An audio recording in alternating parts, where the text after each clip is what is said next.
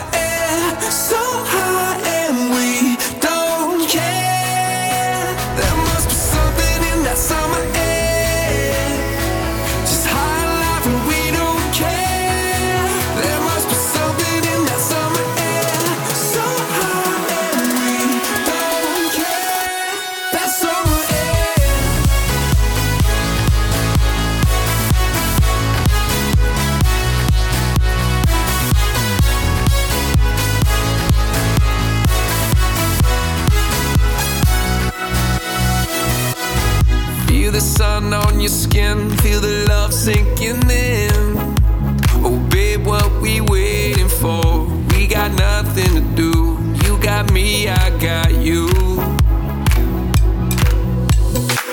Oh, feel the sun on your skin, feel the love sinking in.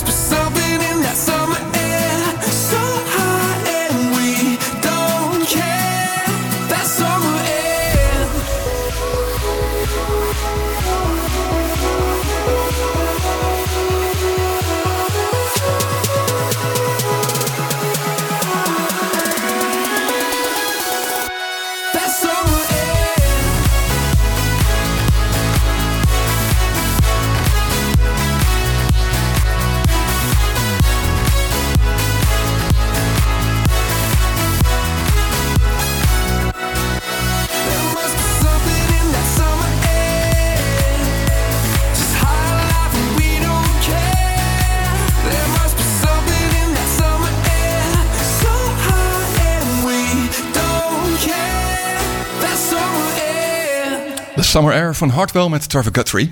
Bij Blikopener Radio. En vanavond in te gast, te gast in de studio. Ja, Sebastien Lins. Maar ik weet ook niet zo goed of ik het, of ik het goed uitspreek. Hoe, hoe spreek je dat precies uit? Ja, eigenlijk eh Sebastien Lins. Een beetje een, een mix van, eh, van, van Duits. Duits, Frans. Ja, ja, Ik, ik weet niet waar of ik echt uit half Duits ben ook. Maar ik denk eh, ja, half Frans en Lins zal ongetwijfeld ergens uit Duitsland komen. Of Oostenrijk of zo. Nou, het klinkt als een internationale eh, gast. Maar laten we beginnen met, eh, met onze vraag. Eh, wie ben jij en wat doe jij? Eh, nou, mijn naam is Sebastian Lins. Ehm, ik werk in de muziekindustrie. Eh, ik werk bij een label genaamd Revealed Recordings. Het is een label van Hartwell. God, daar draaide net een plaat van. Ja, toeval. Toevallig. En eh, ik werk ook bij het managementbureau waar Hartwell onder andere bij zit, eh, genaamd Sorted Management. En ik ben twee jaar geleden een eh, social media bureau begonnen, eh, genaamd Nextly, eh, samen met een paar partners. Ook nog. Ja. Had tijd over.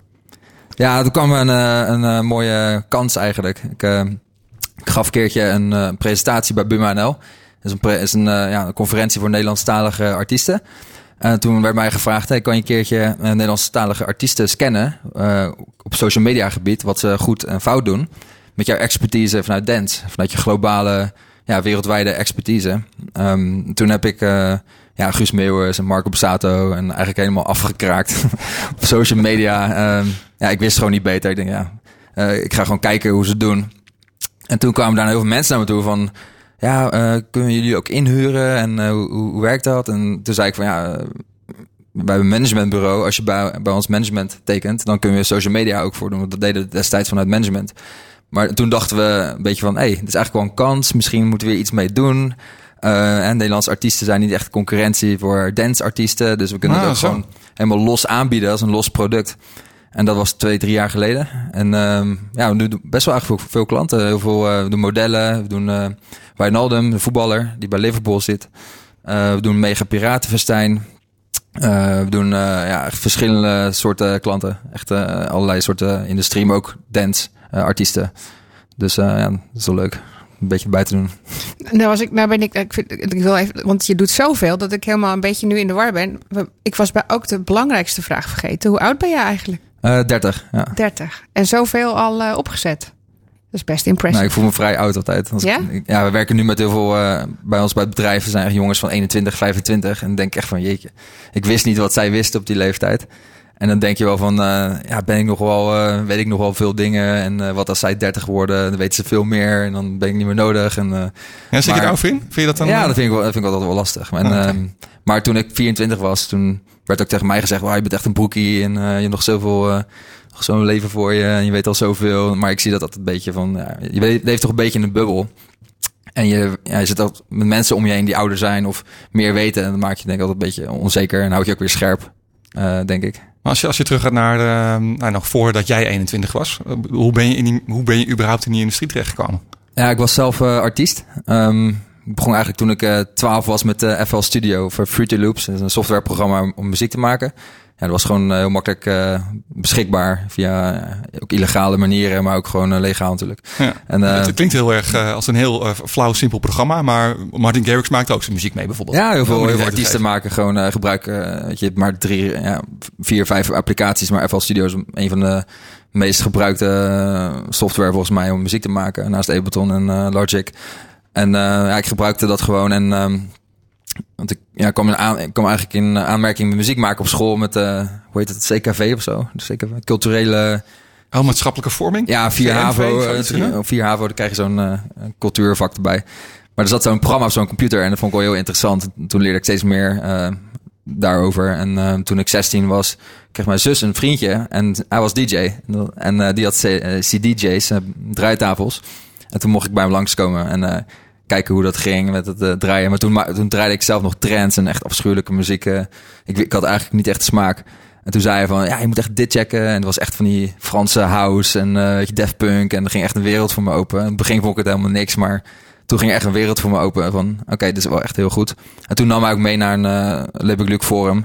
Ehm, ja, naar een, zeg maar een offline meeting met allemaal andere members van Le Luc. Eh komt uit, voor mij komt hij uit Hoofddorp ook. Aalsmeer? Ja, Aalsmeer. Hij komt uit Aalsmeer, Een grappig haakje. Ja. Ja, En, eh, en, en toen ben ik bij het forum gekomen toen ik 16 was. En daar heb ik echt heel veel geleerd. Heel veel contact met Luc. En toen eh, was mijn eerste release ook op zijn label.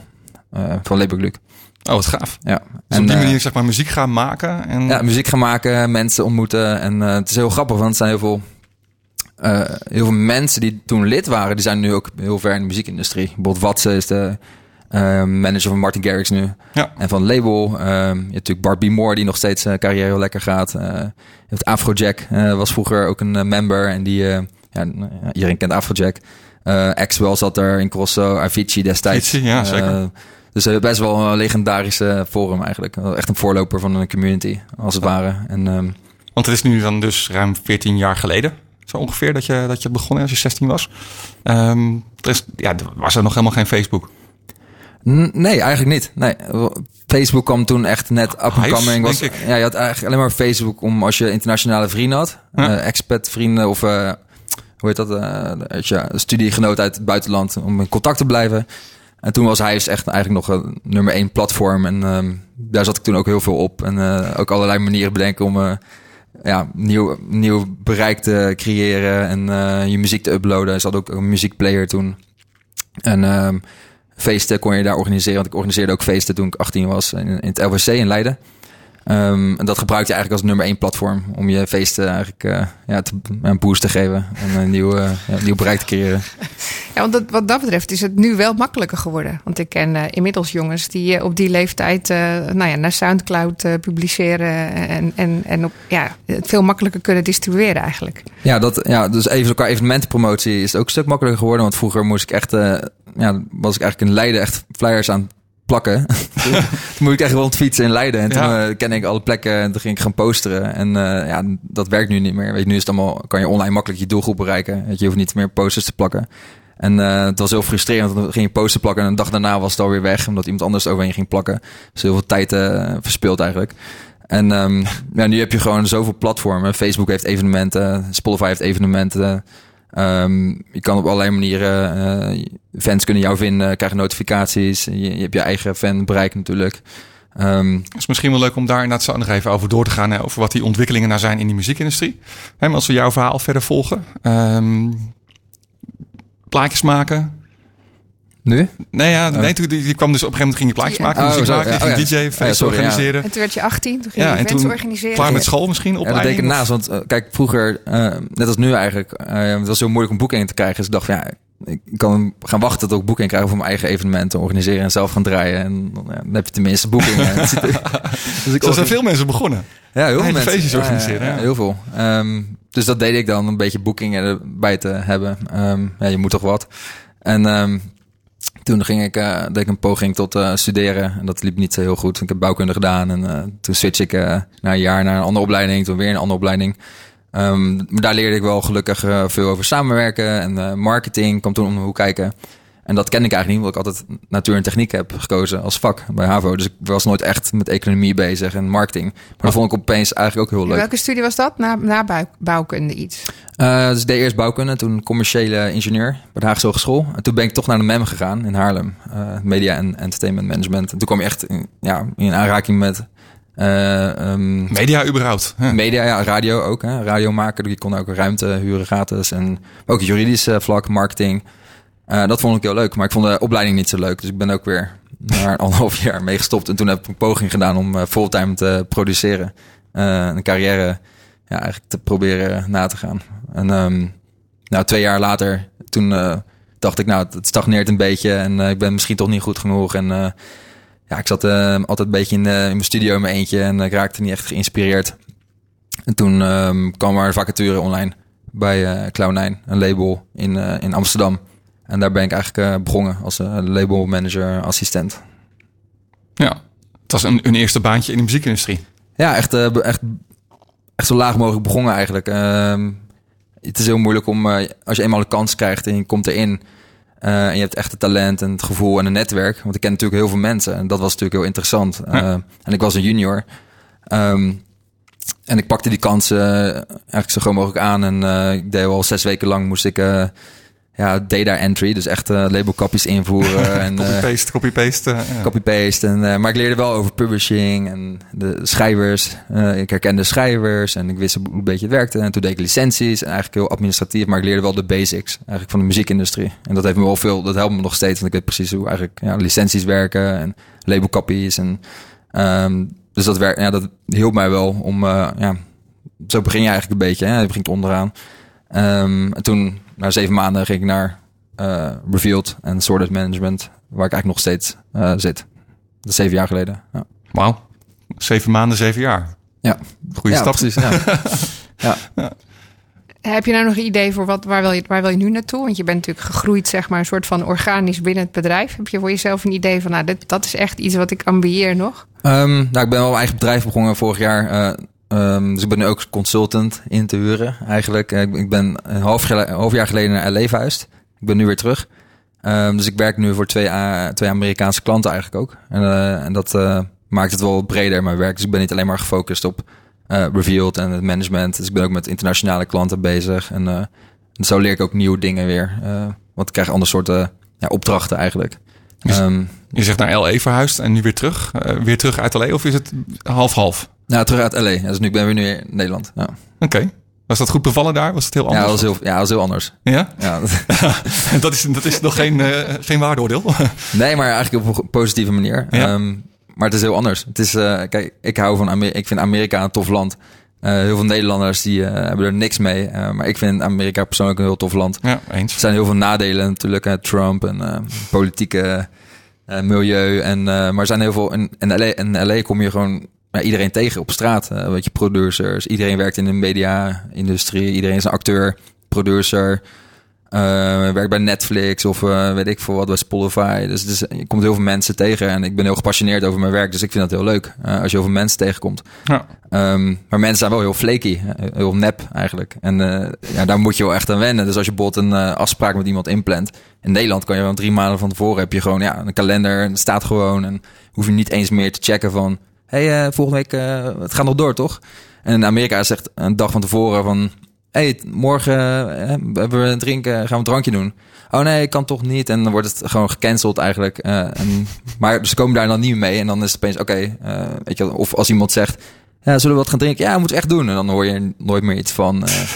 en in Nederland is het ook echt van, oké, wanneer kan je? En dan agenda's erbij. Weet Ja. Dat is een heel andere cultuur. En daar is het iets meer, iets flaky, maar ja, het heeft ook wel wat. En de omgeving was wel echt heel tof.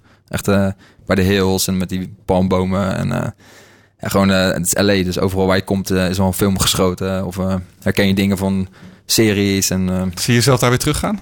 Ehm, nou, ik denk het niet. Ik denk, ik heb wel vakanties daar geboekt en tripjes. Ehm, dus ik denk dat het een goede balans is.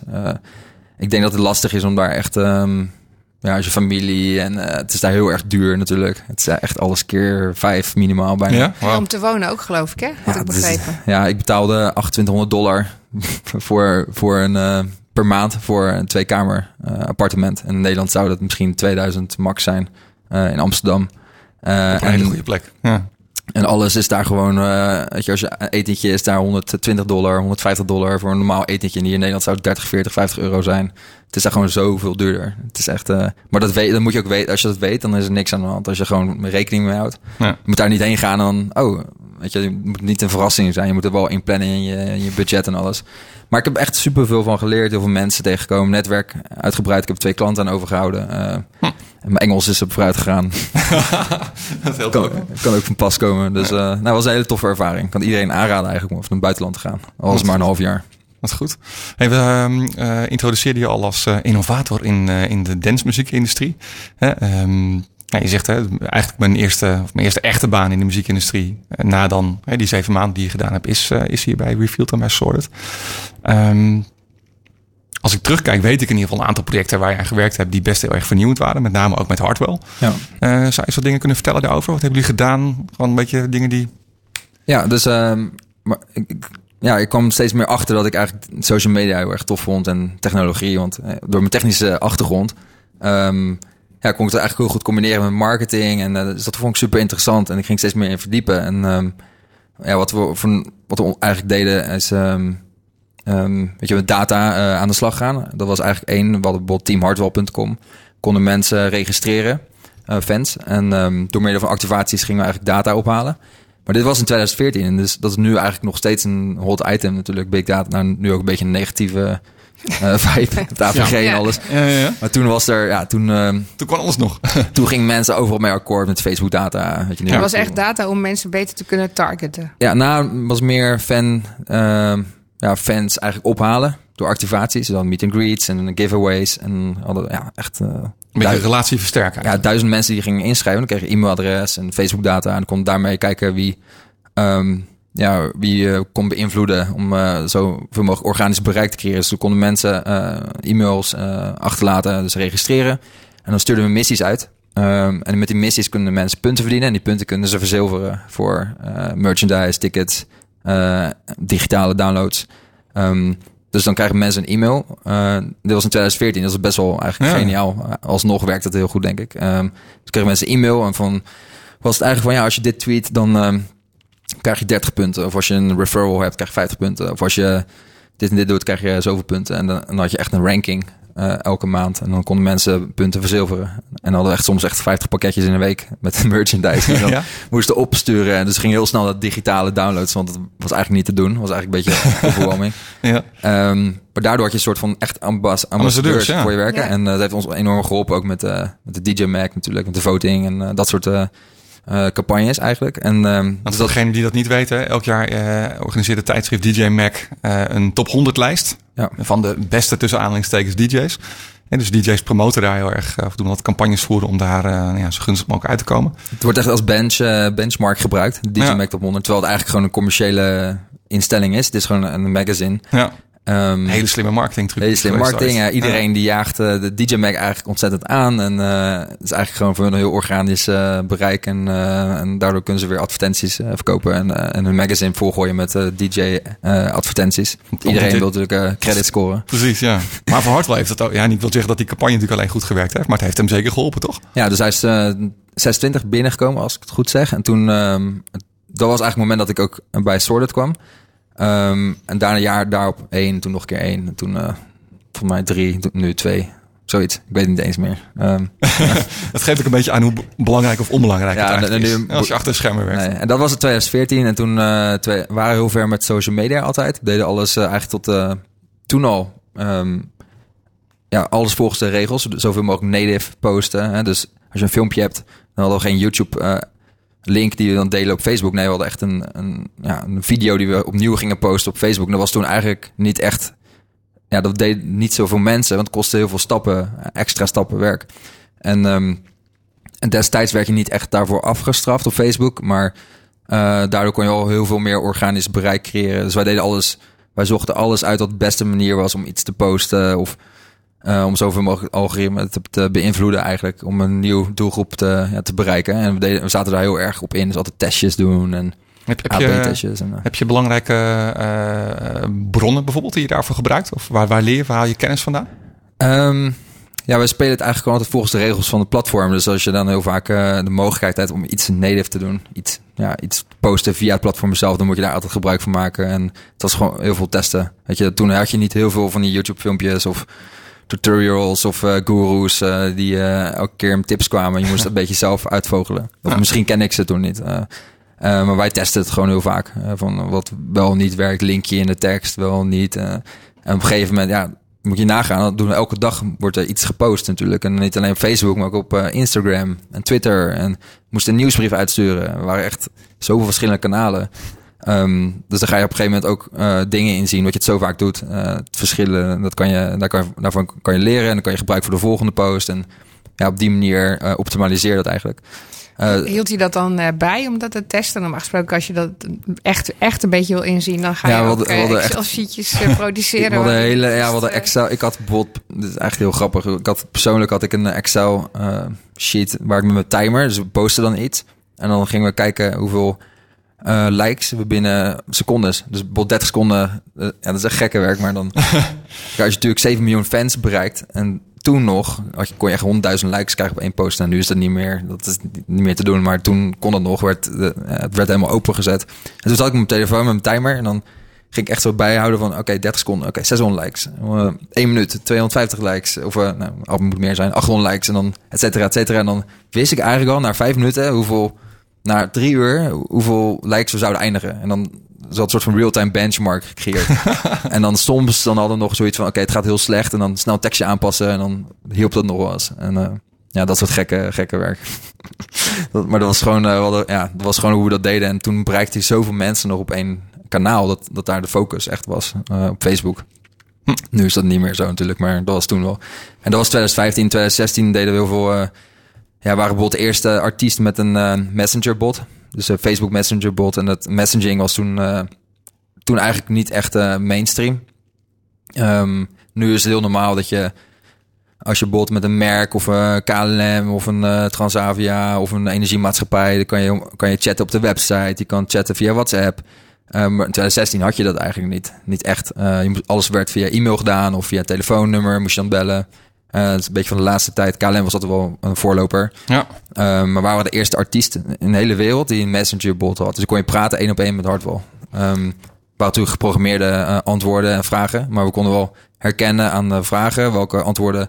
Of uh, we konden zien welke aan de antwoorden die, die waren bijvoorbeeld... wat de populaire vragen waren. Dus kon op die manier het bijwerken. En dan hadden we eigenlijk heel veel nou ja, accuraat uh, ja, bot zeg maar, gecreëerd voor Hardwell. En dat was 2016. En dat was eigenlijk uh, ja, drie maanden nadat Facebook dat had aangekondigd... had wel live staan. En toen bestonden nog geen platforms. Dus we hadden die platforms zelf moeten bouwen. Dus we hadden eigen CMS gebouwd. En dat hadden uh, jullie echt zelf gebouwd ook? Ja, moet, ja, dat bestond niks anders. De API hadden ze opengegooid. En Facebook denkt van, nou, kom maar op met jullie uh, ontwikkelingen. Ja. En dat bestond eigenlijk nog niet. Dus we hebben echt een partij in Engeland gevonden die dat kon bouwen voor ons. En uh, ja, daar betaal je wel de prijs voor en je bent de eerste.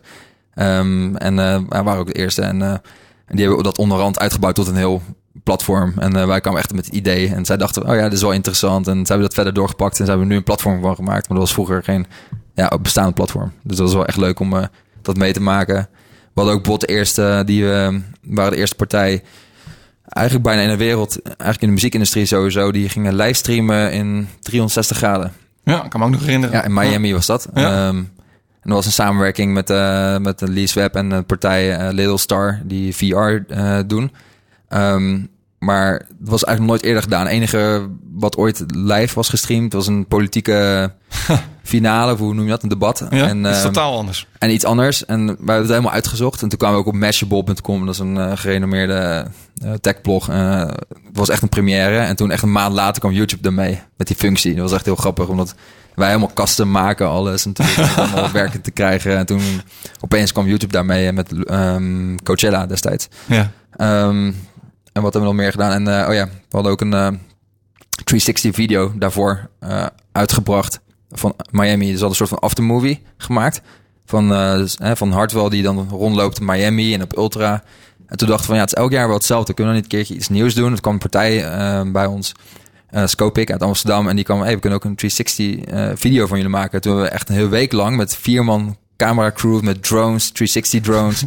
Elke hoek van de kamer zat zo'n uh, ja, zo'n tripod met uh, 10 GoPro camera's aan elkaar gekoppeld. En destijds, ja, toen had je dat nog niet echt. Hè? Het was al een beetje in elkaar geflanst uh, destijds. Je had niet één solution, one solution camera. Uh, toen waren ook de eerste die dan ook echt een 360 video live hadden gegooid. En die, ja, die staat nog steeds op YouTube. En dat is echt super grappig om dat uh, terug te zien. Uh, maar de kwaliteit was echt, ja, nu heb je met één cameraatje heb je betere kwaliteit. Maar toen werd, werd alles nog gestitcht aan elkaar. En het duurde echt maanden voordat het af was ook. Het, duurde echt, het was echt zoveel werk. Het is echt heel, ja, heel grappig om dat mee te maken. En um, ja, dat was 2017, 18.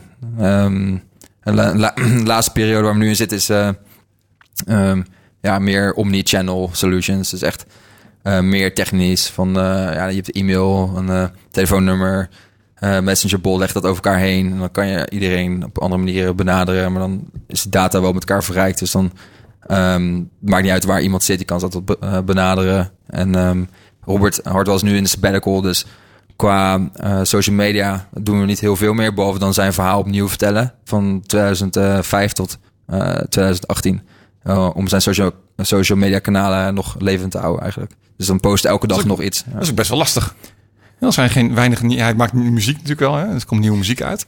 Ja, daarom hebben we eigenlijk uh, een concept bedacht. Uh, voor zijn Instagram vooral. Het Story of Hardwell. Dus we vertalen, vertellen eigenlijk zijn verhaal. Wat hij gedaan heeft. Want het was natuurlijk zo'n gekkenhuis de afgelopen jaren. Ja.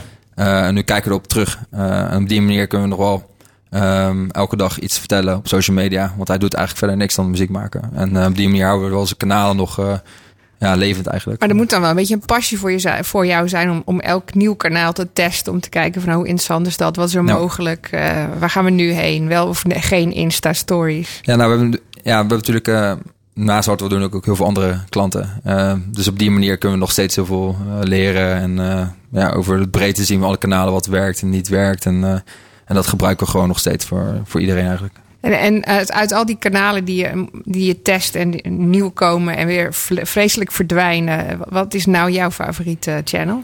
Ehm, maar ik denk voor de meesten wel dat eh, Instagram nog wel echt eh, natuurlijk nu wel nummer één is bij iedereen. Bij de meeste ja, mainstream eh, gebruikers, denk ik. Ehm, En, voor jou persoonlijk? eh, voor mij persoonlijk Twitter, ja. Ja, Dat was een heel snel antwoord.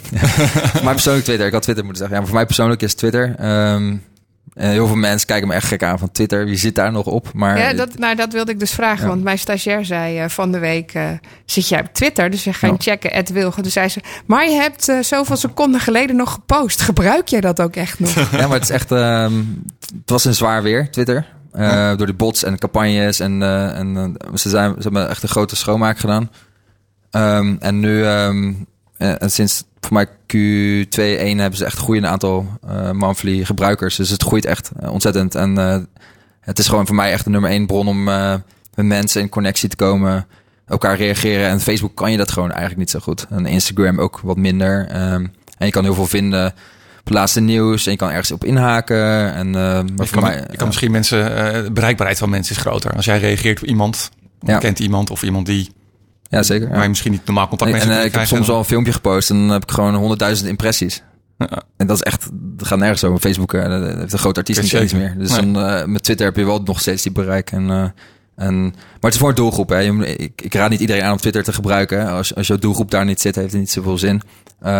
Maar in, in tech, ik, weet je wel, al een beetje, doe ik een beetje post over nieuwe ontwikkelingen. Het is half journalist natuurlijk. En ik wil gewoon met andere mensen in contact blijven. Dan is Twitter wel echt nummer één medium, denk ik. Als mensen ehm, eh, jou zouden willen volgen of meer over zouden willen weten, dan denk ik dat je Twitter. eh, Ja, Twitter. Ja, ik eh, reageer ook gewoon natuurlijk op mensen als ze vragen hebben via DM of gewoon via mentions. En wie ben jij op Twitter? Dat is eh, Sebastien Lins. Het Sebastien Lins. Ja, dus eigenlijk Aan elkaar. Ja, dat is op zijn Frans. Dus Ja. niet Sebastian of Seba- Se- Sebastian. Sebastien. Ja. Sebastien. L-I-N-T-Z. Ja. Ja. Nou, dus volgens mij zouden we hier nog uren over kunnen doorpraten. Maar omwille van de tijd, dat gaan we niet redden. Dus ehm dankjewel, Sebastian. ja, graag gedaan. En we gaan eh, luisteren naar eh, Moonboots.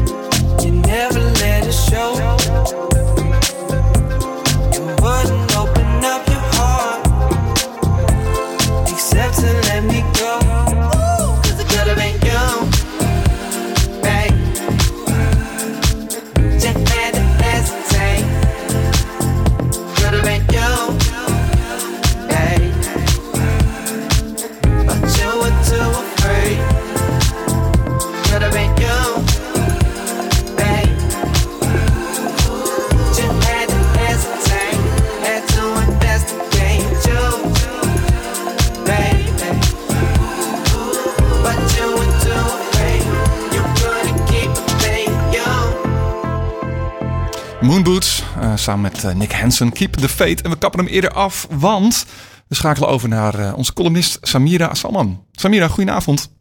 Goedenavond. Jij bent onder andere oprichter van eventgoodies.nl en jij bent onze event- en verbindingsexpert. Waar gaan we het vanavond over hebben? Ik ga het vandaag hebben over durf te delen. Durf te delen. want op eventcodes durf te delen. En dan niet op social media, maar gewoon... Ook. En ook, eh, nou, ik blog bijvoorbeeld veel, eh, maar eigenlijk, ik eh, deel kennis op allerlei soorten manieren en in allerlei verschillende vormen.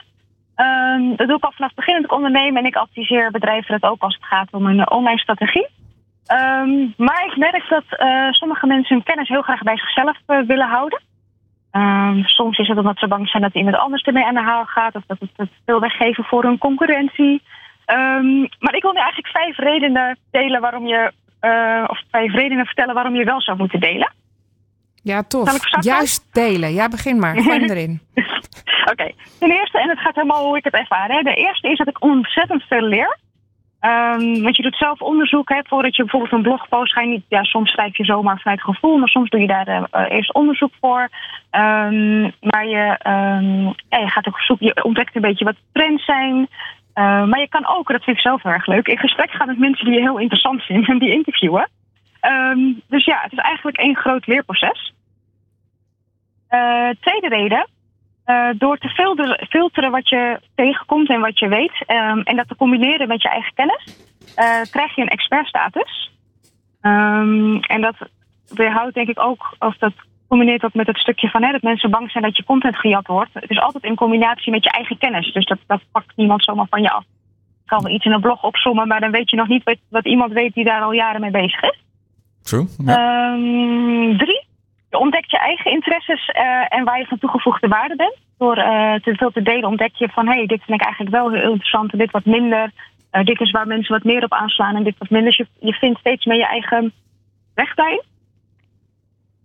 Eh, de vierde is dat je de, ju- dat je de juiste doelgroep of achterban aantrekt. Ehm, of nee, je trekt de juiste mensen aan en daar creëer je een achterban. Eh, mensen die enthousiast zijn over je doen, die delen wat je, eh, die ehm, echt jouw visie delen, die voor jou content gaan delen, die een goed woordje voor je, voor je doen. Dus, dus je, ja, je creëert gewoon een soort. een community is misschien een beetje een groot woord, maar dat kan ook. een community om je heen. Mhm. En de laatste, en misschien de belangrijkste, en ik hoop de trigger voor mensen om het ook te vaker te gaan delen, eh, is dat ik merk dat het echt eh, deuren opent. Eh, omdat mensen dus jou zien als expert, maar ze vragen je ook om hulp. Je kan samenwerkingen aangaan met mensen die een beetje dezelfde visie delen. Dus het, het, het biedt zoveel kansen. En volgens mij, alles bij elkaar opgeteld, le- levert er veel meer dan de angst waar je bang voor bent dat er mis kan gaan. Wat mooi. Ja. Ik, ik denk, denk dat onze gast Sebastian, eh, eh, die noemde net al het forum van Laidback Luke, hè, van een, eh, een bekende DJ-producer, die dus ook heel erg van het kennisdelen was. Want het heeft jou heel geholpen, Sebastian. Ja, wat, wat hij deed is, eh, ehm, hij gaf feedback op demo's, maar die zet hij dan publiekelijk op het forum. Dan kon iedereen lezen. Dus in plaats van één op één op iemand reageren, gaf hij gewoon Ah. feedback. En die zette dan ook gelijk op een, ja, eigenlijk een soort blog forum. En dat was super interessant. want Dan kwam ook een nieuw, weer een nieuwe doelgroep, eh, nieuwe mensen. En die leerden ook weer van elkaars fouten eigenlijk. Ja, ik vond het heel mooi wat je zei, eh, Samira, over die expertstatus. Hè, dus als je zelf eh, dingen post, dan word je daar vanzelf en gaan mensen als expert zien. En dat is natuurlijk alleen maar goed. Ja, en ik heb ook zelf dat mensen vragen van, ja, wat voor trends zie jij? En denk ik, trends? Ik ben toch geen trendwatcher? Ik heb geen idee. Maar ik merk wel soms, ik heb er niet altijd mee op, maar je merkt wel dat je, dat je dingen gaat opvallen. Dat je denkt, hé, hey, ik zie nu wel heel veel eh, dit of dat gebeuren. Dus ja, je, ziet, je gaat het echt zien. Echt leuk. Mooi, waardevol. En Samira, als Ja. mensen jou ehm, willen volgen of meer over je willen weten, waar kunnen ze terecht? Ja, het makkelijkste is wat je al zei, eventgoodies.nl. Eh, en daar vind je alle kanalen waar mensen het liefst eh, zitten om kennis te vergaren. Hartstikke Ja. goed. Hey, dankjewel voor je bijdrage deze week. Graag gedaan. Fijne avond. Dankjewel. Ehm gaan we naadloos. Dat is het toverwoord altijd in deze uitzendingen. Als ze te veel informatie hebben eh, om eh, ja, dus dat we geen muziek kunnen draaien. Gaan we naadloos door naar de Week van Wilg. Ja, ik eh, doe even mijn eigen muziekje, niet. We moeten hier nog een keer een goed muziekje voor hebben. Misschien dat. Sebastian nog iemand weet die dat kan maken voor ons. nou, vorige week vertelde ik al dat nou ja, we met Smart zaten te wachten op het, op het Apple-event. Eh, dat dat eh, twee keer per jaar eh, voor mij heel belangrijk is. En ik wilde even een korte samenvatting doen, maar ik las in, de, ja, in de lijst die Sebastien eigenlijk moet invullen voordat hij hier kwam. dat dat een van de belangrijke dingen is in zijn leven. Nou ja, voor mij is het gewoon een soort van hobby en traditie geworden. Ik, ik zet echt, ik zet het gelijk in mijn agenda als het bekend wordt. En ik zeg tegen mijn vriendin, mag me echt niet storen rond eh 7 uur dinsdag. Al wat er ook gebeurt, eh, ik ga ervoor zitten en eh, ik maak echt een momentje van. eh, En hoe heb jij gekeken deze keer? Eh, ik zet hem op Apple TV. Ja. Op Apple TV. Ja. Ja. want deze keer was het voor het eerst op YouTube. YouTube, ja. Daar waren ook heel veel kijkers. Ik was zeggen, op een gegeven moment zat ik te kijken en het waren er 1,8 miljoen mensen tegelijkertijd aan het kijken of Ja, zo. dat kan ik natuurlijk niet zien, want ik, doe, ik, Ik heb kijk geen ook gewoon wat op het Apple TV. maximaal geworden is hoor, maar... Nou ja, maar goed, voordat ik nou, ik kan natuurlijk vertellen wat ik nou eh, heel tof vond, want ik had al een beetje voorspellingen gedaan en de rumors klopten wel ongeveer. Dus wat vond jij daar, wat vond jij nou heel speciaal deze keer? Ehm, ja, toch wel die camera-uitbreiding. Die eh, ultra-wide lens. eh, die, ja, dat is wel echt... Moet je wel ik- de Pro verkopen? Wil je dat een beetje hebben? Vol- nee, voor mij heb je ook in eh, iets andere model, heb je de goedkopere model, heb je ook de ultra-wide. ja, je hebt wel Ja. wide, maar niet de ultra Maar wide. dan mis je weer de, de telelens volgens ja, mij. of dan zoiets. mis je extra. Ehm, maar ik heb zelf een professionele camera en die ligt nu echt te verstoffen. En vooral met de aankoop straks van eh, de 11 Pro, dan denk ik van ja, waarom heb ik nog een professionele DSL-camera nodig? Dus dat is een beetje mijn, eh, ja, daar zit je nu een beetje mee natuurlijk. Van ja, als je de camera altijd bij je hebt en het is nu, je hebt nu verschillende modus, eh, waarom zou je nog een camera ja. eh ownen eigenlijk? Eh, maar dat was voor mij ook wel de hoogtepunt. Wat mij, eigenlijk, ah, wat mij eigenlijk opviel is dat eh, de prijs, die viel mij heel erg mee namelijk eh, van de nieuwe 11. Niet de Pro, maar de gewone eh, nieuwe 11. Eh, die, die was eigenlijk lager dan ik verwacht had. Wat volgens mij wel een goede set is, want ze hadden zelf ook al ingezien als ze elk jaar duurder worden en, ze moet, en iedereen moet elk jaar maar een nieuwe kopen, dan gebeurt dat niet zo vaak meer. Dus dat, dat volgens mij is, ja, zijn daar heel veel mensen verbaasd over. Nou ja, goed, de kleurtjes helpen dan natuurlijk mee. Eh, maar ik vond vooral eh, de aankondigingen van de nieuwe series voor de Apple TV Plus eh, heel vet. En natuurlijk de arcade games ook nog. en, ja, en dat het nou ja, gratis is dat- ook. Hè? Dat, dat- het eerste ja. jaar gratis is bij aankoop eerste van jaar een Apple. gratis bij aankoop van de device heb je een jaar lang eh, Apple TV Plus. Dat vond ik heel, heel vet. Vooral natuurlijk vanwege de nieuwe serie C, die ik absoluut wil zien. Ja, we'll see. Eh, ja, Jason Momoa speelt de hoofdrol. Eh, maar jij vond arcade... Nee, ik vond het gewoon grappig. Ik vond het algemeen gewoon... eh, ja, ik was, ik, ik was daar een beetje eh, sceptisch ik, over. ik game helemaal niet. En ik dat heb komt niet, omdat het allemaal arcade games zijn. En dat ze allemaal eh, free zijn eh, voor, voor, voor één prijs. Hè. Dus je hebt, je hebt, altijd, je hebt zeg maar eh, ook zo'n abonnementtoegang. En ik maakte me eigenlijk zorgen om de games die ik altijd speel. Want ik speel de wat duurdere click-and-point adventures. Die vaak heel mooi in elkaar zitten. Heel creatief zijn. En, en ook wat duurder met hele toffe puzzels. Dus ik vroeg me af of ze dat nog wel apart hielden. Want ik denk dat dat anders straks gewoon niet meer bestaat. Als je, als je dat op deze manier aanbiedt. Hm. Maar goed, dat gaan we zien. Ja, nou ja, zolang er mensen zijn die daar nog voor willen betalen, is dat natuurlijk, zal er een markt voor blijven, denk ik. Ja, als het maar niet onder de arcade-button stoppen dan. Eh, Maar- Dat was een beetje mijn eh, Je angst. ding. Ja, mijn angst. Eh, ja, en ik vond de, de, de watches eh, heel tof. Maar Ja, maar dat is niet echt een hele spannende upgrade. Nee. Behalve dan dat het scherm langer meegaat, omdat het eh lager framerate heeft. En, ja. nou ja, dat je altijd de app, de, Aan, de ja. watchface aan kan laten staan, vond ik wel heel tof. Ja. Want dat is eigenlijk wel iets wat je zou willen. Want Maar als je een Apple 4 zou hebben, Watch 4, dan zou je niet denk de 5 kopen. Nee, Eh, maar ik, heb, ik had nog geen watch ja, en dit was wel, een reden om te denken, zou ik dat Toch wel? niet doen? Oké. Ja. Nou, na- naast het Apple-event. Nou, naast het Apple-event eh, wilde ik het even over data hebben. Jij begon al over, nou toen kon het nog, dat we al die data overal eh scrapten.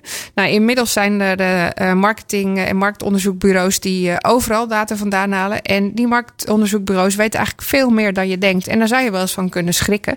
Eh, zo was er van de Dat week... gebeurt een, geregeld, dat mensen daarvan schrikken. ja, maar er was Ja. er, onlangs een datalek bij in, in Ecuador. Zuid-Amerikaans eh, staatje. eh, eh, gevonden door eh, nou ja, een van de groepen die dan echt specifiek kijken van wat voor dingen worden er nou gelekt en moeten we daar niet voorzichtiger mee omgaan. En ze konden eerst niet zo goed zien waar dat vandaan kwam. Ze za- wat ze alleen zagen was data van alle inwoners. Alle. Alle inwoners Van heel land. Van een heel land, van Ecuador, die op straat lagen. En dat was dan niet alleen hoe oud ze waren, waar ze woonden, maar ook eh, hun familiedata. Eh, welke kinderen horen daarbij? Wat doen Nee. die kinderen? Hoe oud zijn die kinderen? Hele stamboom. eh, Eh, stambomen uitgeplozen. Ze konden zelfs zien dat, er, dat dat heel erg up-to-date was. Kinderen geboren nog in, de, in het voorjaar van dit jaar. Er zat ook data tussen van Assange, want die heeft een tijdje op de, op de nee, eh, Ambassade. gewoond van, ja, ja. eh, van Ecuador. Dus daar stonden ook eh, data in.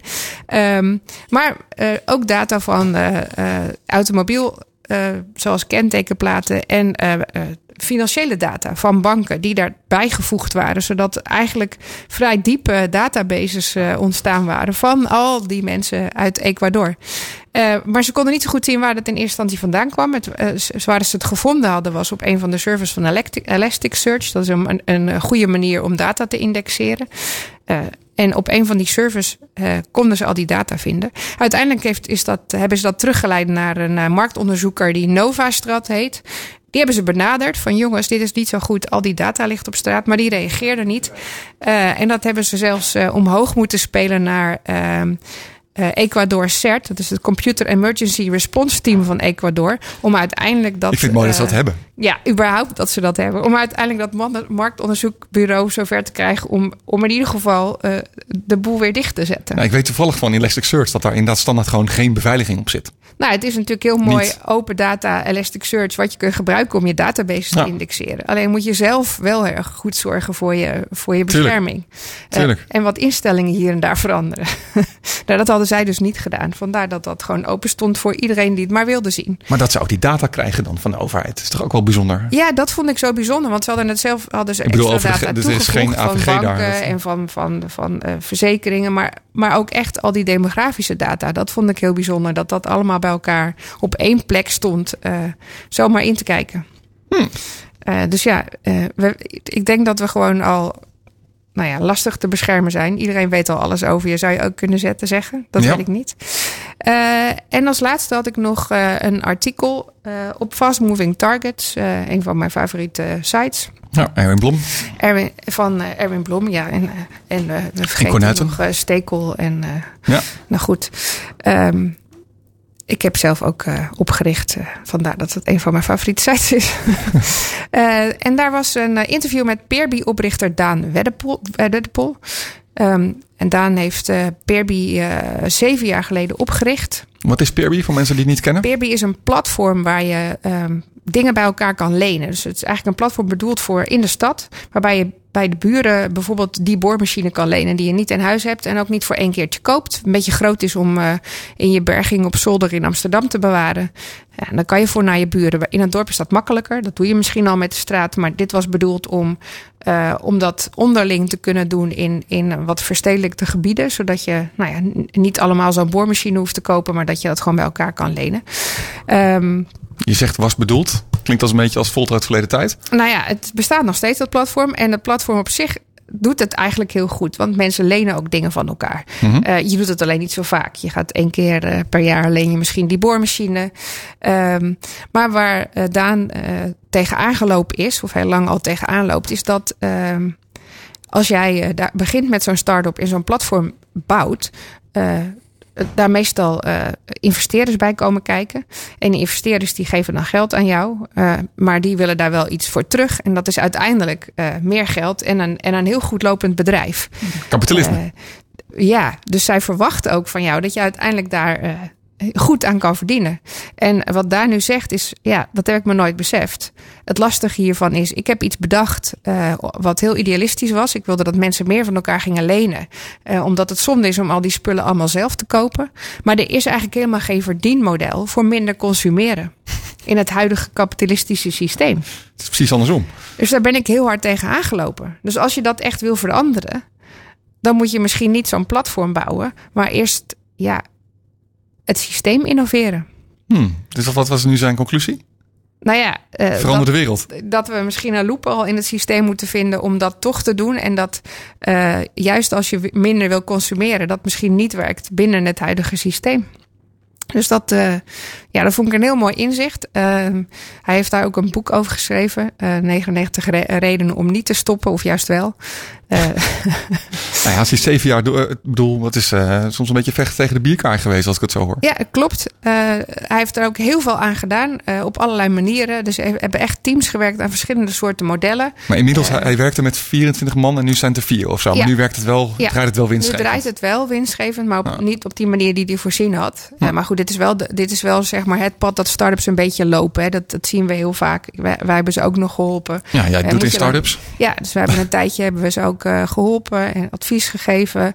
Ja, hoe kan je nou, eh, hoe, kan, hoe kan je nou een verdienmodel vinden? Hoe, wat werkt er dan? Wat werkt er niet? Een beetje testen, zoals Sebastian al zei. Dat heb, zo test je dan ook of, of dingen wel of niet werken. Ja. Ehm, Ik vind een mooie gast. Laat hem een keer uitnodigen. ja, en zeker denk ook dat daar wel een Dat in lijkt- zit. Dat lijkt me heel tof. Dus Ja. eh Daan, bij deze, we gaan je uitnodigen. Ja, We zullen hem taggen in de show notes. Goed idee. Dankjewel. Nou, tot zover de week van Wilg. Ehm, is het alweer tijd voor de afsluitende columnist, columnist van deze week, eh, Dim, Dimitri Vleugel. Dim, goedenavond. Hallo allemaal zeg. Nou, Nou, uit Rotterdam, aan de lijn. ja. Eh, onder andere oprichter van androidworld.nl. Eh, klein beetje, ik al tegen Sebastian als introductie van ja, een klein beetje tegengeweld tegen al het, eh, of tegengas tegen al het Apple geweld dat wij altijd in de week van Wilg eh, naar voren schuiven. Maar daar ga je het vanavond niet over hebben volgens mij. Nou ja, eh, niet, niet per se, nee. nee. Maar ik ga ze wel als positief voorbeeld noemen. Dus dat, dat, dat ontkracht weer jou, eh, wat je. Het mag, het mag. om, jou, om jou maar in verwarring te brengen. Ja. Nee, ik, ik heb mezelf beloofd mezelf meer dingen af te vragen. En een van de eerste dingen die ik mij afvroeg de, de, de afgelopen dagen was... bestaan er nog wel echte merken? En daarmee bedoel ik niet bedrijven die heel veel producten verkopen, maar een, een, een bedrijf die staat voor wat hij is en daar ook heel veel aandacht aan besteedt. En een van die voorbeelden van een echt merk is Apple. Ehm, kijk, je hebt bedrijven die komen naar Nederland en vaak zijn dat voor het soort vooruitgeschoven eh sales teams. Die hun opdracht is, haal het sales target en de volgende keer weer een beetje meer. Daardoor krijg je bedrijven die heel goed zijn in producten verkopen, maar geen merk zijn. Een, een bedrijf en een merk zijn twee verschillende dingen. Een merk is iets waarvoor je staat, wat je uitstraalt, waar je zelf aan houdt. Wat niet alleen goede producten maakt, ook, maar ook een hele mooie merkbelofte en beleving maakt naar mensen die daarvan gaan houden. En Apple is er daar één van. Kijk, dat, dat wil blind altijd die, die, die Apple-telefoon koopt. Dat is natuurlijk, ja, dat heeft maar voor de helft te maken met het product. En de andere helft met het fanatisme eh, en, en haar liefde voor het merk, toch?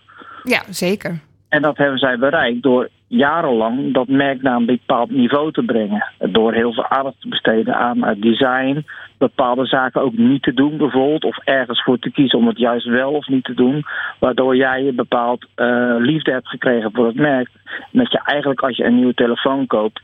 nergens anders naar kijkt, maar naar de winkel gaat... en gewoon een nieuwe iPhone koopt. Toch? Bijna nergens anders. Ja, ik twijfel wel eens, maar dan denk ik, ja, waarom zou ik ook twijfelen? Dit is Nou, gewoon een goed maar merk. Dat is dan juist, dat is het allerbelangrijkste moment waar je de merkbeleving juist gaat werken. Is als je twijfelt, dat je toch kiest voor het bekende en voor het veilige, het, thuisgevoel, zeg maar. En dat is toch weer die Apple-telefoon. Ook al betaal je daar dan meer voor. Hetzelfde heb je met eh, schoenen kopen. Ik heb nu New Balance aan, maar ik heb ook Nikes in de kast staan. Maar ik ken heel veel mensen die zweren bij Nikes. En die kunnen er vaak geen ehm, ehm, rationele verklaring voor geven.